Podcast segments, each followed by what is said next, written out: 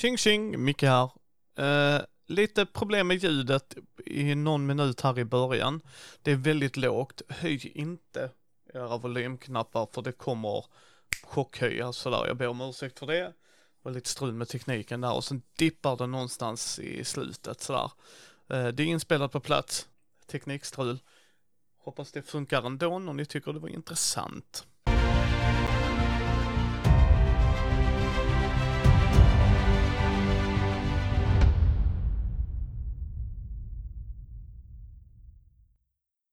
Tjing tjing, Micke här. Nu sitter vi med Temu ifrån eh, Marketing, nej vad blir det, Sales i Asmodee Nordics. Jag är ansvarig för det som vi kallar hobby. Ja. Så allting ni har spelat, eller fortfarande spelat i väldigt stor del så på något sätt så har jag ett finger med i det hela. Ja, för du var ju med eh, väldigt tidigt i Mindy där jag intervjuade ju dig. eh, Där du pratade till exempel om Ticket to Raid när, när han, fransmannen, pitchade det till dig. Eh, men vi har pratat med Johan. Eh, du har ju en annan take på detta än vad Johan har för han jobbar ju väldigt mycket med marketing och det ju. Hur, vad, vad tycker du att ni får ut utav att vi alla kommer här och eh, er dag med och klämmer och känner på allt? Ja men det är ju det också med, förutom bara ma- synergin mellan marketing, sälj och inköp. Det här är ju den dagen som en hyllning till alla våra kunder. Till alla våra leverantörer. Kom hit, träffas, umgås och visa vad kärleksbudskapet med spelande med gaming handlar om. I hela den här, kom hit, eh, vi har amerikanska leverantörer och vi har kunder från Grekland som kommer in. Oj. Som gör att vi har ett väldigt attraktivt event där de får kika på nyheter och de får prata direkt med personer som jobbar för deras studios. Vi har kunder som är väldigt exalterade. Ikväll kommer eh, vår kompis, eh, han är vår leverantör, Alex som jobbar för Stonemire. Han är själv peppad att få spela Expeditions med våra kunder. Eller så är det kanske någon som vill sätta fingrarna i nya Cascadia-expansionen som släpps i november. Och även om, eh, ja, där är liksom någonting för alla. Men det är klart, är du en vanlig lekare som kommer hit så har du ju fantastiska möjligheter att snacka med Pokémon Company. Ja. Eller prata Panini, vilken kommer att vara den limiterade spelaren i nordiska utgåvan av samlarkorten när de kommer till hösten.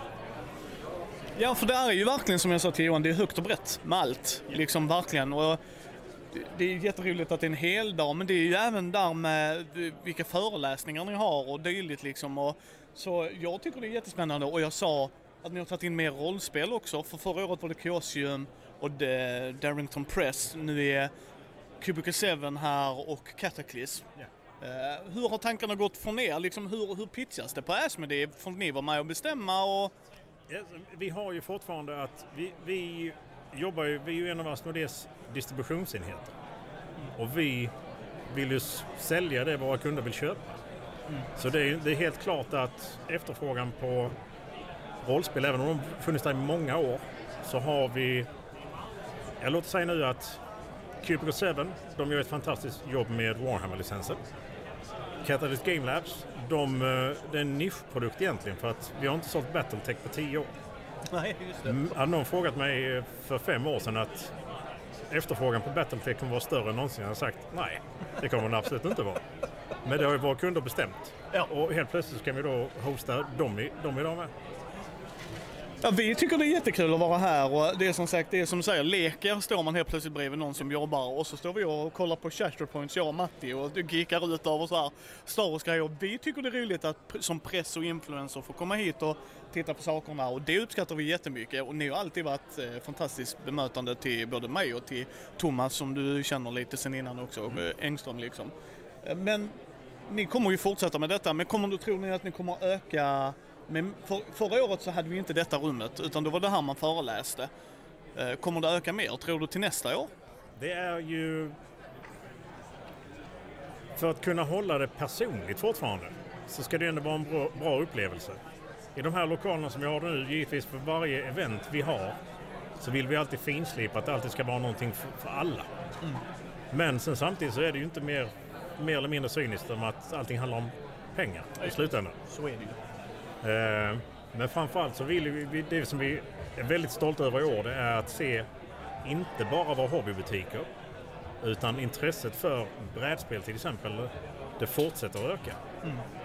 Som gör att eh, intresset för till exempel ett översatt, ja, vi kan komma tillbaka till Cascadia. Att kunderna uppskattar bra spel, solida produkter som de stolt kan sätta på hyllan.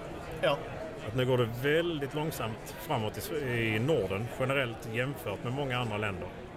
Men bollen är i rullning igen. Mm.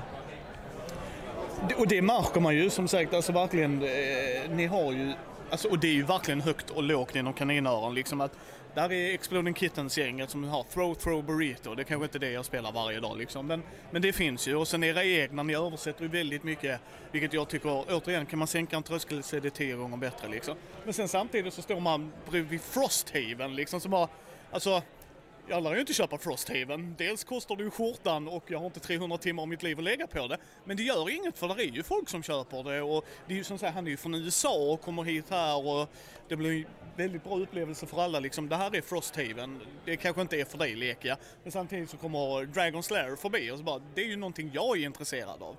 Men de får ju samtidigt träffa varandra ju. Och då får man ju nätverka även dem och som Johan sa att alla är ju trevliga mot varandra och så bara oj det är där du jobbar och utbyter erfarenhet. Vad får du som jobbar inom en annan del av det, vad känner du själv att ni vinner på detta? Alltså vi vinner ju... Hade jag själv varit kund, eller om jag skulle ta någon av mina egna särintresse. Så jag, I perioder tycker jag om att grilla mer eller mindre. Skulle jag få träffa någon som representerar ett visst kolmärke som jag gillar. Jag hade kunnat stå och snacka grillkol med honom i 35 minuter. Jag tyckte det hade varit så sjukt kul. Och den upplevelsen den är ju givetvis, men vi vill ju också visa dem att även om du är bokhandlare så är det inte omöjligt att du kan beställa den här produkten av oss. Så den... Eh, vi, vinningen är ju... Jag, jag är glad att vi kan bjuda hit de här leverantörerna och visa de eh, bokhandlarna och leksakshandlarna tittar ändå nyfiket på det här. Och bara se deras ansikten när de lyfter upp 13 kilo spel. Och vi förklarar för dem att den, de har dragit in så här mycket pengar på Kickstarter. Och de först undrar kan vad är Kickstarter, hur fungerar detta? Och det fortsätter utbilda fast på ett annorlunda sätt. Ja, och jag, som sagt jag tycker det är väldigt givande. Eh, avslutande ord. Såklart, men vad, vad hoppas du på nästa år? Så nästa år om vi kan få ett likadant event som det här så är vi mer än nöjda. Det är klart att när eventet väl är över så kommer vi ju summera vad var det som inte funkade det här året optimalt som det kunde vara.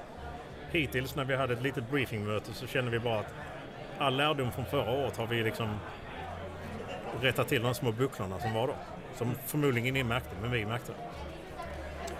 Tack återigen Timo, det är sjukt roligt att ha dig med dig. Tusen tack själv Micke. Ja.